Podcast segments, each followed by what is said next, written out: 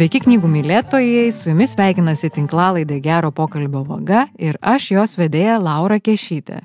Vagos studijoje šiandien svečiuojasi vaikų ir paauglių psichoterapeutė, grupių analitikė, paramos vaikams centro vadovė Aušra Kurienė. Sveiki, Aušra. Sveiki. Ir mūsų pokalbio epicentre amerikiečių klinikinės psichologijos mokslų daktarės Lindsay S. Gibson knyga Suaugę emociškai nebrandžių tėvų vaikai. Gibson užsima privačia praktika ir jo specializacija nuo emociškai nebrandžių tėvų kenčiantys suaugusieji. Prieš keletą metų autorės išleista knyga šiais metais buvo išversta į lietuvių kalbą.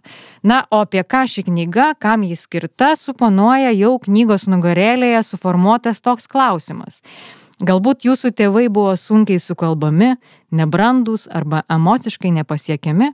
Galbūt vaikystę atsimenate kaip metą, kai jūsų emocinius poreikius nebūdavo atsiliepiama, kai jūsų jausmai nelaikyti svarbiais, kai bandydami atverti tėvų elgesį prisėmėte suaugusiems skirtų atsakomybių ir rūpešių.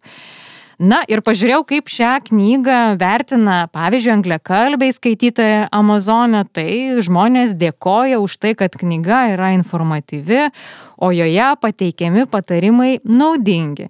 O dabar noriu paklausti jūsų, Aušra, kokia buvo jūsų patirtis skaitant šią knygą? Dirbate ir su vaikais, ir suaugusiais, ar artimos problemos, kurios čia aprašytos? Knyga tikrai informatyvi ir jinai apima tokį gana platų spektrą įvairių tokio emocinio gyvenimo arba emocinių tarpusavio santykio, sakyčiau, aspektus. Visi tie ir pavyzdžiai yra prašytos problemos, jos yra labai atpažįstamos, nes turbūt dažniausiai pas psichologus ir psichoterapeutus ateina žmonės, kurie bando suprasti tą savo emocinį gyvenimą, bando turbūt kokybiškiau gyventi ir ieško priežasčių, turbūt kas yra atsitikę, kodėl jiems ar tai sunku kažkokiose situacijose, žinau, išlikti laimingais, gyventi prasmingą gyvenimą ar sukurti santykius, kurie būtų bipusiai teikiantis pasitenkinimą ir malonumą tiek su savo artimiausiais žmonėmis, tiek su savo vaikais, tiek su savo galbūt bendradarbiais ar tokia platesnė aplinka. Na tai yra toks esminis turbūt psichoterapinio tyrinėjimo objektas - emocijos ir emociniai santykiai ir turbūt kiekvieno mūsų asmeninė branda. Emocinė nebranda, na, ta savoka, jinai tokia labai talpi, abstrakti, kaip mokslinė savoka, ar jinai egzistuoja literatūroje? Šiaip emocinis nebrandumas kaip savoka ir kaip simptomas turbūt, arba kaip toks elgesio būdas, emocinio išsireiškimo būdas, jinai yra tikrai žinoma specialistam, jinai egzistuoja.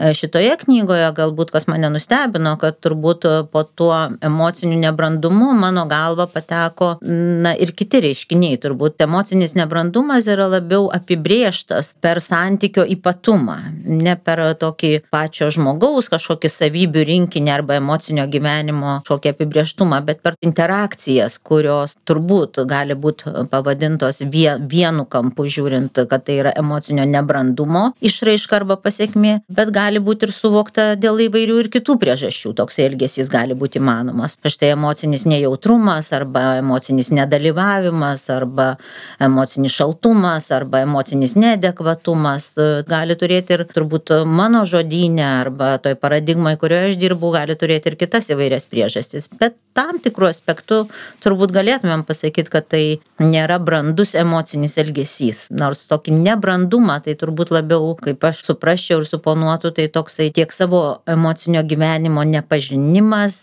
tiek toksai negalėjimas suprasti kitų žmonių jausmų. Tas nebrandumas turbūt žodis yra toks arti labai vaikiškumo, ar ne tokio -huh. vaikiško, egocentriško savo emocijų reiškimo supratimo, nelabai suprantant ir atsižvelgiant, kaip e, šalia tavęs galbūt jau jaučiasi kiti žmonės ir ko jie iš tavęs, nežinau, tikisi laukia ir, ir norėtų.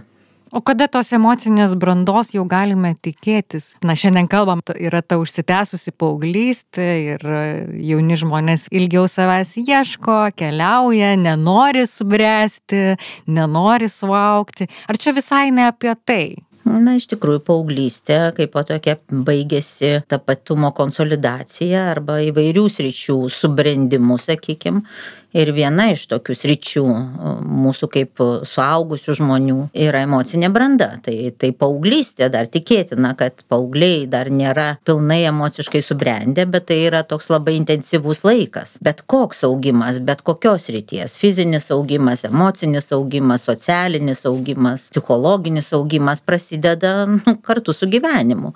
Ir tada turbūt tas augimas vyksta visą gyvenimą, bet tokia subrendimas ir branda turbūt baigėsi tada, kai baigėsi paauglystė, arba kitaip sakant, paauglystė baigėsi tada, kai baigė ta tokia tapatumo paieška ir mes galime atsakyti į klausimą, kas aš esu įvairiom prasmėm.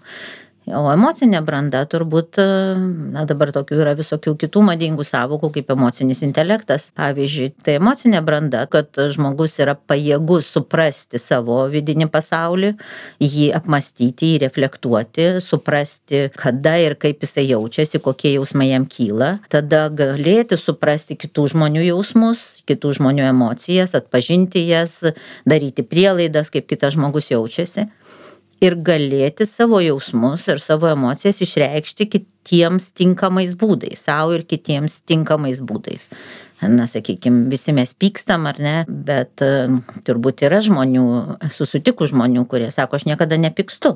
Tai tikrai tai yra kažkoks sunkumas atrasti tas jausmas labai gąsdina tas jausmas e, kažkur yra labai paslėptas ar paneigtas ar užšaldytas ar kokiais žodžiais gali jį pavadint bet yra aišku kad žmogui susitikus su tuo jausmu e, jį labai gąsdina. Bet yra žmonių kurie sako ten nežinau kas tris minutes jisai rėkia nežinau ten svaido daiktus ką nors ten pikto daro ir taip toliau. Tai sakytum, jisai supranta, kad jisai pyksta, bet jo būdai išraiškos pykčio yra neprimtini. Jie gazina kitus žmonės, jie trikdo, jie suardo santykius, jie dar ką nors tokio padaro.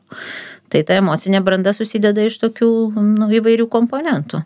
O kokias problemas sociume bendraujant tarpusavyje, kuriant šeimą, sukelia tas emocinis nebrandumas, kurį galbūt net ir tas emociškai nebrandus žmogus, jisai ne iš karto ir supranta, o gal ir niekad nesupranta, kad jisai nešasi tą emocinę nebrandą kas atsitinka su tokiu žmogum išėjus į gyvenimą, kai jisai suauga, iš jo jau tikimasi kažkokio tai galbūt atitinkamo elgesio ir kur tos problemos prasideda, ar darbuose, ar su kolegom bendraujant, ar su vaikais. Na visur sakyčiau, čia gali būti labai įvairūs pavyzdžiai arba išraiškos būdai. Štai vienas yra toks labai stiprus, didelis, nevaldomas emocijų išgyvenimas, ar ne? Jeigu štai žmogus nusiminė, ten jam kas nors nepatiko, ar jisai nusivylė, nuvylė, tai tas jausmas yra nepaprastai didelis, jisai yra toksai visur, kur paskleidžiamas, nesirenkant nei žodžių, nei galbūt veiksmų, nei išraiškos būdų. Gal tai, žiūrint, kokioj terpiai tu atsiduri, sakykime, tu esi su labai tave mylinčiu žmogum ir jautriu, kuris nori tau padėti toje neviltyje. Tai galbūt tas parodimas tokios labai didžiulės nevilties e, gali sulaukti tokio ir užuojautos, ir supratimo, ir pagalbos kažkokios. Tai. Bet e, turbūt problema čia atsiranda, kad žmogus nesijaučia pats atsakingas už tą savo jausmą, nes jisai jo kažkuria prasme darbas yra tik tai parodyti ir išreikšti tokį labai didelį jausmą. Tai jeigu mes esam, na štai lygaverčiai partneriai, ar ne, ir mes sutarėm, ir aš žinau, ir pažįstu tą žmogų, ir aš žinau, kaip jisai reaguoja, tai mes išmokstam tame santykėje gyventi. Bet jeigu, pavyzdžiui, tai yra vaikas, ar ne, ir, ir štai tokia didžiulė neviltis, nu ten nežinau, ištiko mama didžiulė neviltis, kad vaikas ten, nežinau, metė burelį kokį nors.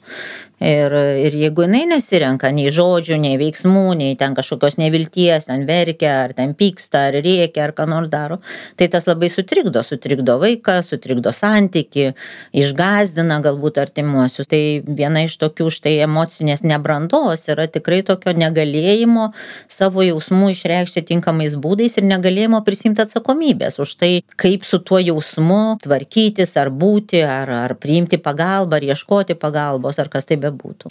Kita tokia išraiška, štai ką toj knygoje, ar ne, autorė irgi vadina kaip emocinė nebranda, bet gal diskutuočiau, tai yra negalėjimas e, iš tikrųjų suprasti ir užjausti kitų. Mhm. Nesupratimas, kaip žmogus tokioje situacijoje gali elgtis. Pavyzdžiui, ką nors, kas nors ištiko, koks nors rūpestis, ar ne? Tai, tai štai tas emociškai nebrandus žmogus jis yra nepajėgus užjausti. Nes viena vertus jo problemos yra žymiai svarbesnės, čia kartais žmonės sako, aš negaliu pasiguosti, nes man tada reikės guosti tą žmogų. Aš mhm. negaliu pasakyti savo rūpeščio, nes jį ištiks tokia drama dėl mano rūpeščio, kad aš turėsiu pamiršti savo rūpestį ir pradėti guosti šitą dramą kaip nors malšinti. Tai tas negalėjimas vėlgi negalėjimas būti tokiam emociniam jautriam santykyje. Ir vėlgi, jeigu mes esam suaugę žmonės, tai čia yra tokia galimybė aiškintis, ten galbūt eiti ieškoti kartu pagalbos arba pasakyti, man kažkokie nepatinka dalykai. Bet jeigu tai yra tėvai, kurie taip elgesi su vaikais, kurie nemato vaiko rūpešių, kurie nesupranta, kodėl vaikas liūdnas, arba nesupranta, kad vaikas gali būti išsigandęs ar ne. Savo poreikius pastato aukščiau už vaiko, netgi taip galima būti. Čia net nebūtinai savas poreikis, tiesiog nesuprant, ko tu čia bijai. Čia nėra ko bijoti, tai čia tu eik ir daryk. Čia nėra ko liūdėti, kas čia per liūdėsys dabar. Čia nėra laiko, eik pamokas ruošk. Ir, ir taip toliau. Tai tokio atstumimo ir atmetimo, tokio nepaisimo šalia esančio žmogaus emocijų ir jausmų jausmų tai čia yra kita tokia išraiška ir pasekmė kuri tikrai sunkina gyvenimą kaip jūs sakėt kur visur ir darbe ir namie ir svečiuose ir ir namuose knygoje galima būtų sakyti yra tokios kaip dvi dalys. Vienoje yra apibrėžiami tie emociškai nebrandūs žmonės kitoje yra pateikiami patarimai kaip atpažinus tai jog augai galbūt su vienu iš globotojų iš tėvų kuris yra emociškai nebrandus. Na kaip tvarkytis su savo problemomis kurios kilo išviešėjo tame santykyje. Aš taip įsivaizduoju kad jūs irgi susiduriate su klientais kurie turi santykį su emociškai nebrandžiu žmogumi. O ką daryti, kaip, na, jeigu tai yra šeimos narys, antra pusė, arba tėvas, mama, kaip bendrauti su tokiu žmogumi, kaip jį priimti? Nu, jeigu tave užaugino, sakykime, emociškai nebrandus tėvai, tai didelė tikimybė, kad tu turėsi eiti ir rasti kažkur kitus santykius, kad pats emocinę brandą pasiektum. Nei tėvų, nei brolių, nei seserų mes nesirenkam. Ir kai žmonės ateina ir pasakoja apie santykius, kuriuose jie užaugo, arba santykius, kuriuose jie dabar gyvena, tai yra vienas labai svarbus klausimas, e, ne ką su tai žmonėm daryti, bet ką daryti su savimi savim. Ir, tai, ir štai kaip tu jautiesi, kai kas nors, va taip pat šalia tavęs elgesi ir ką tu darai tada, kai tu taip jautiesi ir kiek įmanoma tą santyki pakeisti ir kiek įmanoma turėti įtakos. Jeigu tu esi suaugęs žmogus, tai, tai tos įtakos gali turėti gana daug. Jeigu supranti, kas vyksta, jeigu ten, sakykime, santykiai su mama ar su tėčiu buvo kažkokie labai šalti ir įdingi ir tu ilgiesi, ir tu norėtum, ir tu uh, tikrai dažnai girdžiu pasakome, kai paskambinu mamai ir ten po penkių minučių mes susipykstam. Ne? Nes, nes atrodo, kad tikiesi, kad atsilieps kitam gale štai kažkokia jautri moteris, kuri paklauso, kaip tau sekasi vaikeli ir ten nesvarbu, kad tau jau gal ten 50, bet mama vis tiek paklaus. Ir kitam gale atsiliepia kas nors ir sako, nu, žinai, ten trumpai sakyk, ko reikia. Ir tada yra didžiulis nusivylimas. Tai čia yra klausimas, ar mes vis dar galim galvoti, kad ta mama pasikeis kitam gale, ar mes galim žinoti, kam paskambinom, kad mes paskambinom štai šitai mamai, kuri tai funkcionuoja, dėl kokių priežasčių čia yra kitas klausimas. Tai šalia to, kad jinai galbūt neatliepia ir vis neatliepia ir gali būti taip, kad niekada ir netlieps gyvenime mūsų poreikių, bet turbūt yra kiti dalykai, iš ko susideda santykis ir, ir dėl ko norisi paskambinti ir, ir yra kažkokie kiti dalykai, kuriuos ta mama daro davė ir vis dar duoda, bet štai emocinio palaikymo nedavė ir gali būti, kad niekada neduos. Ir tada reikia atgėdėti, atgėdėti tą lūkestį, neįsipildžiusią kažkokią tai svajonę ir negyventi, nesimaitinti tuo lūkesčiu, kad štai jeigu aš tik tai kaip nors kitaip paskambinsiu ir paklausiu, tai mama atsakys taip. Arba jeigu aš ten dar vieną medalį gausiu, tai mama vat jau pasakys taip. Arba jeigu aš būsiu piktas, nelaimingas, sergantis, tai tada mama jau vat ir bus ta mama. Panašiai tai kaip nebus. su alkoholiku turbūt turint reikalų. Taip, gerinti žmonės viena iš bėdų turbūt yra daug bėdų, bet viena iš bėdų yra, kad jie yra emociškai neprieinami savo vaikams, jie yra emociškai nepatikimi e, kartais emociškai akli, tikrai e, jų vertybių sistema yra apsivertus aukštinkojom ir tikrai vaikų emocinė gerovė nėra jų prioritetas, jų prioritetas yra jų priklausomybė ir būsena pakitus būsena. Tai čia viena iš priežasčių, kaip elgesi štai emociškai neprieinami arba emociškai neadekvatus tėvai. Kalbame apie suaugusius žmonės, o jeigu esi vaikas, na ir negali suprasti, koks tas tavo tėvas yra ir kodėl jisai taip elgesi. Ar susidurėte su tokiais atvejais, kalbėdamas su vaikais, kad, na, galimai įtarėte, jog jie augo šeimoje, kurioje jie negauna to dėmesio, tos atjautos, rūpešio, kokio jiems reikėtų. Kaip padėti vaikui, kokią pagalbą gali suteikti artimieji, jeigu vaikas auga tokioje aplinkoje, kur Vienas, pavyzdžiui, iš tėvų yra emociškai neprieinamas dėl įvairių priežasčių. Galbūt serga depresija, galbūt turi priklausomybių, galbūt turi tą emocinę nebrandą paveldėtą galimai iš savo tėvų šeimos. Nu, nepaveldėta, čia pasakyčiau įgyta. Vaikai ieško būdų. Ne visi mes tikrai gimstam su poreikiu artimam ryšiui. Turbūt niekam kitam, kaip vaikam, to artimo ryšio, tokio emocinio ryšio šilumos ir palaikymo reikia ypatingai ypatingai tai vaikai ieško savo būdų kaip gauti tai ir šitoj knygoj yra minimi prieraišumo tyrimai ir prieraišumo stiliai, kur visi mes atrandam kažkokį būdą, ar ne visi mes augom kažkokiuose tai šeimose ir atrandam būdą ir žinojimą, kokiu būdu gauti tai, ko mums reikia. Štai ir vaikai, kurie auga su tokiais nebrandžiais, sakykime, tėvais arba emociškai nebūtinai adekvačiais tėvais, tai jie irgi ieško įvairių variantų ir būdų, kaip vis tik tai gauti iš tėvų tai, ko jiems reikia. Tai vienas iš tokių būdų būtų na tikrai dramatizuoti, ar ne? Štai jeigu, sakykime, yra ten kokia nors mama arba tėtis, kuris labai dramatizuoja kažkokius įvykius, tos emocijos yra didžiulės ir dažnai tokie tėvai išnaudoja vaikus pasitelkdami jų paguodai, raminimui, nuraminimui ten ir panašiems dalykams. E, tai kartais vaikai augdami irgi supranta, kad štai toks yra mechanizmas, kaip gauti emocinę šilumą, reikia dar padidinti viską, labai didelio padaryti. Jeigu ten, nežinau, sigavai koją, tai taip, kad girdi trys kiemai, jeigu tave ištiko baime, tai taip, kad tu negalėjai pajudėti iš vietos. Tai tokiu būdu jie liktai bando permušti, ar ne, ir padaryti savo skausmą dar didesnį, kad galbūt tokiu būdu gautų e, vieno arba abiejų tėvų arba kitų žmonių kažkokią užuojautą ir pamatymą. Yra vaikų, kurie prisijima kaltę arba priežastį, sakykime, savo ir jie nusprendžia, kad jie yra tokie vaikai, maži vaikai tai tikrai nieko negali priskirti tėvams, nes tėvai yra idealūs, nuostabus ir vieninteliai. Tai jie prisima savo tokią kaip, kaip savo bėdą, kad jie yra tokie, kuriem nepriklauso apkabinimai, nepriklauso užuojauta, nepriklauso palaikymas, nepriklauso kažkokie džiaugsmingi voliojimai, sengrintų čia ne jų tėvai turi tą sunkumą, pavyzdžiui, depresiją. Bet aš esu toksai, kuriu, kurio mama neapkabina. Tai va su tuo augimu, tai jie irgi ieško būdų, kaip pasidaryti kitokiais. Labai skanuodami, sekdami, žiūrėdami, kokiose situacijose štai galima gauti, kada tėvai apsidžiaugia, kada apsikabina, kada ten sulaukia gero žodžio.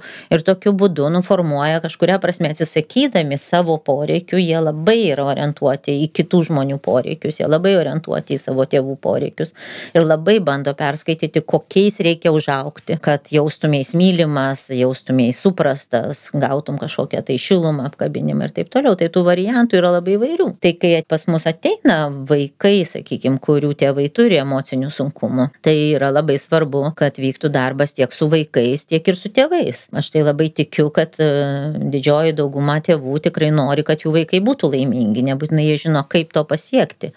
Ir kartais, jeigu jie supranta, kad štai tai, ko vaikams trūksta, tai iš tikrųjų daug tėvų galvoja, kad vaikams reikia struktūros, gero maisto, daug burelių, geros mokyklos, ten gražių rūbų, gal net draugų ir taip toliau, nu, aišku, struktūro ir pameta.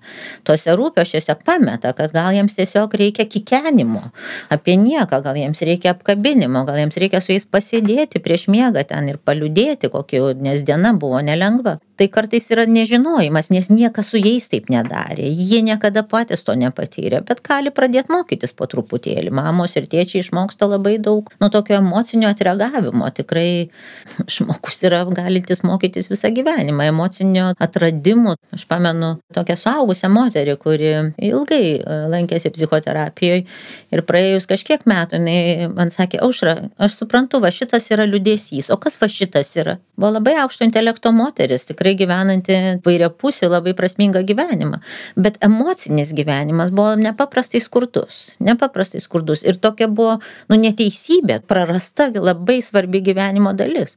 Ir tie atradimai jau sulaukus gana brandaus amžiaus, nu jie įvėrėsi kaip, nu kažkokie tai tikrai kaip klodai. Visas jausminis pasaulis atsivėrė jau esant gana brandžiam amžiui. Tai visokių ten jausmų atrandi ir skausmingų, bet ir labai džiaugsmingų jau šiek tiek klibinau tą klausimą, bandžiau visokiom savokom jį pridurti. Ir knygoje jisai skamba taip, kodėl tiek daug tėvų emociškai nebrandus. Už aš dar pagalvojau, kad mūsų regionas irgi turi tam tikrą savo skausmingą kontekstą, karai, nepriteklius. Buvo laikai, kai į tuos emocinius dalykus, galima būtų sakyti, nebuvo laiko atsižvelgti, buvo išgyvenimas. Pokario kartos galbūt visai kitaip pas mūsų užaugo, mes šiandien kalbam kalbam apie tą prieraišę tėvystę, motinystę, bet na, matome istoriškai, kad įvairios buvo tos kartos. Čia turbūt vėl yra tokia kažkuria prasme savokų painiava. Tai taip, aš sutinku, kad e, turbūt kartos augo tokiais imperatyvais, kad jausti yra pavojinga, jo,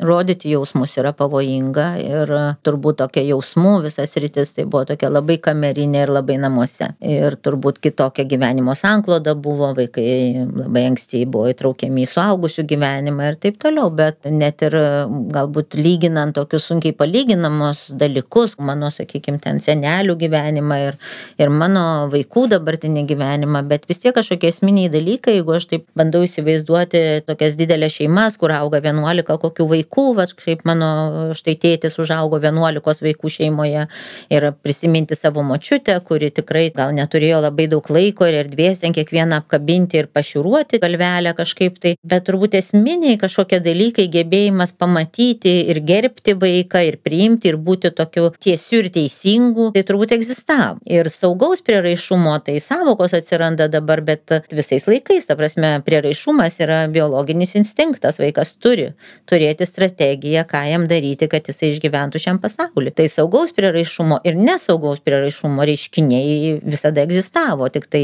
įvardinimai, eksperimentai, tyrimai galbūt yra tokie tokie šio laikiniai dalykai. Šio laikiniai, daug, mhm. daugiau mažiau šio laikiniai dalykai. Kaip tas atsitinka, tai aš sakyčiau, jeigu mes kalbam apie tokį nuvertinimą emocinio gyvenimo, ar ne, tai čia visai neseni laikai, kai, kai mes galėjom girdėti, jausmai trukdo, palikite jausmus namie. Ar ten jausmų į darbą nesinešame. Dabar patidėk jausmus ir dabar jau pasikalbėkim kaip žmonės. Tai man atrodo dabar, va štai ir, ir kaip nekeista, štai verslo pasaulis, man atrodo, gana greitai susivokė, kad jausmai, jeigu jie yra nesuprasti, jeigu jie tikrai yra neįdarbinti kažkuria prasme, tai jie tikrai gali pradėti trukdyti, todėl kad ten didžiulis nerimas neleidžia žmonėms dirbti efektyviai, kokia nors baimė, sutrikę santykiai, pykčio priepoliai, tas viskas labai gadina darbinę atmosferą. Tai man atrodo, kad emocijos kaip po tokios pradeda įgauti vietą, lygiai vertę vietą, mes pripažįstame emocinio gyvenimo svarbą, nes štai tie reiškiniai kaip priklausomybės ar depresijos yra ne todėl, kad jausmų nebuvo, o todėl, kad jausmai buvo nuvertinti, į juos buvo nekreipiama dėmesio. Mes tikrai išmokom visi dantis valytis, kaip aš sakau, du kartus per dieną, nes prižiūrim dantis. Bet jausmų priežiūra, emocijų priežiūra buvo nu tokia palikta saveigai. Daug suaugusių žmonių augo nelabai žinodami, nemokėdami vardinti, nemokėdami atpažinti, niekas jų nemokė. Ir jie pradeda mokytis, būdami, nu tikrai, va štai susilaukia savo vaikų arba ten... Anūkų. Nežinau, anūkų, patekdami kažkur tai bet yra turbūt kita dalis yra žmonių vaikų kurie buvo užauginti nepabijosiu to žodžio smurtinėse situacijose kur e, štai ta emocinė nebranda jinai viena iš priežasčių būtų kai tu augi su tėvais kurie yra labai nenuoseklūs labai nepatikimi kurie vieną dieną gali ten nežinau tave apipilti dovanomis ir bučiniais o o po valandos jau rėkti ir pavirsti į tokius nu labai žiaurius monstrus žiaurius žmones kurie išvadina tave visokiais žodžiais. Ir čia jokie meteorologai gastroenterologai negali padėti, nes tu, nes tu nežinai, vaikai išmoksta augdami čia sekti kaip orų prognozę, nuo ko čia priklauso, čia žingsniai tokie reiškia, kad reiks, o žingsniai tokie reiškia, kad šiandien praneš, o va žingsniai tokie reiškia, kad gal net bus vakarienė kokia nors su normaliu pokalbiu. Tai čia yra labai sudėtingas gyvenimas, kur tau bręsti emociškai tavo emociniai brandai nėra erdvės, nes tu tik tai turi būti visą laiką susirūpinęs, kaip išvengti, išgyventi ir, ir atlaikyti štai kitų žmonių emocinės audras. Tai tai tu išmoksti daug dalykų, bet tikrai nerūpinti savo, nu, kažkokiu savo emociniu gyvenimu, savo jausmais, savo dalykais. Tai daugybė yra priežasčių. E, čia šitoje knygoje yra įdėtos tokio pasitikrink, kur tu esi arba kur yra tavo tėvai. Tai, e, tai man atrodo ir gerai yra tokie klausimynai, kurie verčia susimastyti, bet aš tuo pat metu skaitydama galvoju, kiek žmonių turėtų įsigasti, nes turbūt gali atrasti, nu, tokių labai daug, kažkuria prasme ir su mūsų tokia kultūra suponuotų dalykų ir tos santūrumu, taip vadinamu. Tai man atrodo, kad ir atsargiai, ir atidžiai reikėtų skaityti ir taip ne, nepanerti. Ir... Gal yra rizika, kaip yra ta savoka hipochondrija, pradėjus skaityti lygų aprašus, tai kažkuria prasme tos psichologinės knygos irgi gali sukelti įvairių minčių. Na, pavyzdžiui, perskaitai straipsnį žurnale, perskaitai va štai tokią knygą, at, atpažįsti kažkokius tai bendrus bruožus ir ką daryti su tom žiniom toliau. Galbūt neteisingus vaistus pasirinkus ar neteisingas susidarojimo strategijas galbūt dar gali labiau savo pasikenkti, skaitydamas pagalbinę literatūrą. Visa savigyda turbūt turi tokių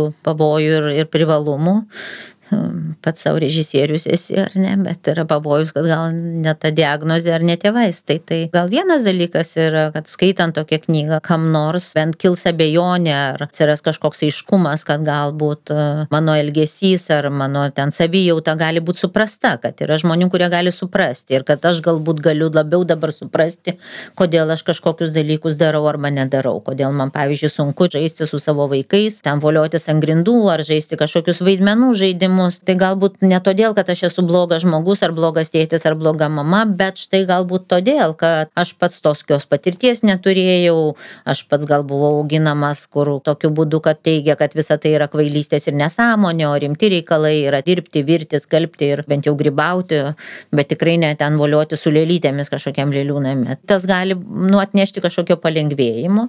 Aš manau kitas dalykas kad tas gali atnešti tokio smalsumo noro daugiau suprasti pasitikrinti galų galų gale jeigu aš atpažįstu kažkokį savo tėvų elgesį tai galbūt aš atpažįstu ir savo kažkokį elgesį.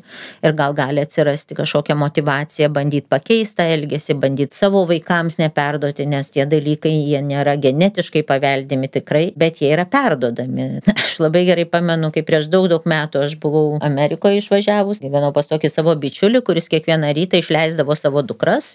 Joms buvo tuo metu gal dešimt ir aštuoneri į mokyklą apsikabindavo jas pabučiuodavo ir sakydavo lauksiu jūsų pasiilgsiu jūsų lauksiu jūsų vakare. Ir kai jos grįždavo vakare iš mokyklos vėl jas apsikabindavo pabučiuodavo ir aš taip žiūrėjau aš ten praleidau gana nemažai laiko ir galvoju dieve mano kaip dirbtina kaip čia taip įmanoma kas čia tokio yra? Nu tokio man visiškai nepažįstamas buvo reiškinys. Bet kadangi mes ten gana ilgai pabuvom ir aš tą mačiau kiekvieną rytą. Ir viskas tas pradėjo atrodyti gana natūralu. Ir jos buvo labai laimingos ir jisai buvo labai natūralus. Aš grįžus galvoju gal aš irgi galiu pabandyt. Gal man irgi gali išeiti nes tikrai norisi apkabinti ir norisi palinkėti. Tai dabar praėjo daug daug metų. Bet tikrai mano šeimoj mes visi galim apsikabint palinkėt ir man neatrodo tai dirbtina ir man nereikia. Tai yra automatizmas tai yra natūralus noras ir poreikis apsikabinti savo artimuosius juos pabučiuoti palinkėti jiems geros dienos ir panašus, panašus dalykai. Smalsumas, man atrodo, kažkoks tai yra labai toks geras veiksnys pokyčiui pokyčiui, kur nori atsirasti. Pasidalinsiu tokią istoriją. Iki šiol labai ryškiai atsiminimą turiu jau savęs suaugusios, kaip su draugė sėdėjome kavinė ir turėjo ateiti mano tėtis, perduoti lauktuvių, kurias jis iš kažkokios šalies buvo man parvežęs. Ir jis ateina ir mes atsistojame ir aš jam paduodu ranką, lik sveikinčiausi su kolega, jis man paduoda ranką, atsisėda šalia, o mano draugė pradeda kvatoti. Sakau, kas yra, sako. Jūs čia taip sveikinatės, tėvas ir dukra, ranką paduodat. Ir aš pažiūriu tėvą, tėvas į mane ir mes abu pasimetę, nes mes taip visą laiką sveikinamės. Ir va tą akimirką toks atėjo klausimas, o gal iš tikrųjų tas santykis jis gali būti glaudesnis, bet jis toks, nu, neįprastas. Ir va tas atsiminimas, nežinau, kiek, tai dešimt metų ar daugiau praėjo, per kitą žmogų pradedi pamatyti tą savo irgi kažkokią tai tikrovės dalį. Na, bet, bet, bet čia aš ir esu abejočiau, ar štai, pavyzdžiui, jūsų tėtis, kurio aš tikrai nepažįstu, yra emociškai nebrandus žmogus. Nu, pagal šitas va klasifikacijas kažkokias jisai nukeliautų turbūt, bet tai turbūt nėra mano bent jau tikrai paradigma ir supratime e, jisai nepatektų į emociškai nebrandžius žmones jis patektų į e, ta prasme aš nežinau koks jis yra bet bet tai yra jo jausmų suvaržytų jausmų galbūt užšaldytų jausmų jo mechanizmai kaip jisai atrado ir išmoko ir tai kaip jisai jaučia ir kaip jisai jausmus rodo kažkada tai jam padėjo. Ta prasme nežinau jam padėjo būti saugiam pasiekti tikslų susirasti draugų ir taip toliau toliau. Santykė su dukra, jam tie dalykai trukdo. Dukrai gal trukdo, jam gal trukdo, jis gal nežino kaip kitaip, gal jis gali pabandyti, bet ar tai yra emocinis nebrandumas, tai ne. Kad tai yra galbūt emocinis šaltumas, taip. Dėl kokių priežasčių čia kitas klausimas yra. Vienas iš tokių mano mylimų užsiemimų vienu metu būdavo, aš gana dažnai turėdavau važiuoti į oro uostą, ką nors pasitikti. Ir man labai patinka. Važiavus į oro uostą, laukti, kai atsiveria tos durys ir jie pradės eiti. Ir man labai patinka stebėti žmonės. Ir aš nekartą esu mačius, bet pamenu tokią šeimą, kur mama su dviem vaikais, nu kokių turbūt irgi dešimt ir kokių šešerių berniukas ir dešimt mergaitė laukia, nu greičiausiai tėčio, kaip aš įsivaizduoju ir jinai laukia, ir jinai pasižiūri veidrodėlį, ir tam pasitaiso kažką, ir, ir nueina gėlę nuperka. Ir tie vaikai šokinėja, pro vieną ten kažkokį plyšį bando pažiūrėti, ir tas berniukas vos ne ant grindų atsigula, nes jau ten žmonės pradeda eiti. Ir jie tokie susijaudinę, ir aš taip įsivaizduoju, kaip dabar atsiverstos duris išeis tas tėtis, ir jie visi pakips jam ant kaklų ir atsiveria duris ir išeina tėtis, stumia lagaminą, toks rimtas ir taip aš įtariu, kad tas tėtis turbūt irgi šypseną suvaldė prieš pat atsirandant durim, nes turbūt kitoj pusėje lygiai taip pat jisai laukia pasilgęs to savo šeimos. Bet kaip jie susitinka, tai jis taip pakedena galvą mergaitį, pakšteli žmoną į žandą, nu ir tada berniuką taip kilsteli ir pastato.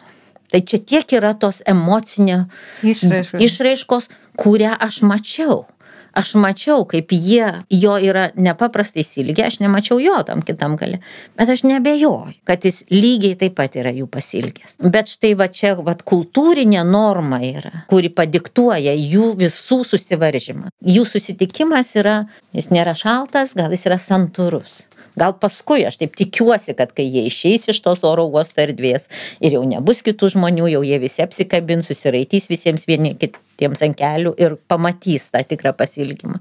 Bet čia yra kultūrinė Kultūriniai norma, dalykai. Mhm. Kuri padiktuoja būti, nu, nesmeniškais ir, ir aš manau, tai ateina su tokiais istoriniu paveldu, kur tikrai buvo pavojinga parodyti, kas tavo draugas, kas tavo priešas, ką tu myli, ko tu nekenti, ko tu bijai, tai čia tas žemesnis žolė tylesnis už vandenį, aš manau, dar eina dar eina, ypač berniukam vis dar eina, vyrai neverkia, vyrai nejaučia, ten nežinau, ko dar vyrai nedaro, aš nežinau, tai paskui visi nustemba, ko tu, sako, nejautrus kaip stobrys. tai jam aiškino, kad jis turi nejausti nuo gimimo. Tai dabar keičiasi tie dalykai, tikrai labai didelis yra pokytis. Pereinant prie pabaigos, prie rekomendacijų, irgi pasinaudosiu progą, parekomenduosiu vieną pokalbį su psichoterapeutu Gediminu Milašimi. Pavadinimas pokalbio yra Ar įmanoma atleisti tėvams? Epicentre Alice Miller knyga Kūno maištas. Pokalbį rasite mūsų tinklalaidės YouTube kanale. Na ir aušra, kaip ir visų mūsų pašnekovų jūsų taip pat paprašiau atsinešti vieną ar kelias, ar kiek norite knygų rekomendacijų, nebūtinai susijusių su mūsų šios dienos tema, ką pasiūlytumėte paskaityti šiais metais, šį rudenį ar tiesiog per gyvenimą. Aš visiems rekomenduoju pasaką skaityti ir suaugusiems, ir vaikams, o šiuo metu tai yra nepaprasto grožio visokių atseit vaikiškų knygų, kurios tikrai štai į temą labai tiktų tokio emocinio jautrumo ir augimo tema. Keletos paskutinių metų mano asmeninis atradimas ir šiuo metu turbūt autorius, kurį aš visiems labai rekomenduoju paskaityti, aš ne, nežinau kaip jį teisingai ištarti, jisai gal Stilhaleris ar Zilhaleris Robertas. Yra jo tokia nedidelė knyga, kuri vadinasi Visas gyvenimas. Yra lietuviškai jo trys knygos išėjusios - Tabakininkas, Laukas ir Visas gyvenimas. Tai aš labai rekomenduoju knygą Visas gyvenimas. Man atrodo, jinai tokia labai nedidelė, bet tikrai talpinanti savyje visą gyvenimą. Dar kai galvojau apie rekomendacijas, tai kažkaip iškilo jau labai seniai mano skaityta knyga, bet ją vis e, matau, kad išleidžia naujai. Tai turbūt ne man viena jinai patinka. Yra tokia knyga, kuri, kiek, kiek aš žinau, istorija buvo išleista tuo pat metu. Viena leidikla ją išleido Anglijoje kaip knyga vaikams, o kita leidikla kaip knyga suaugusiems. O. Tai jinai vadinasi Keistas nutikimas šuniui naktį. Tai yra tokia knyga iš e, vaikino, sergančio autizmo, galvos tokia knyga.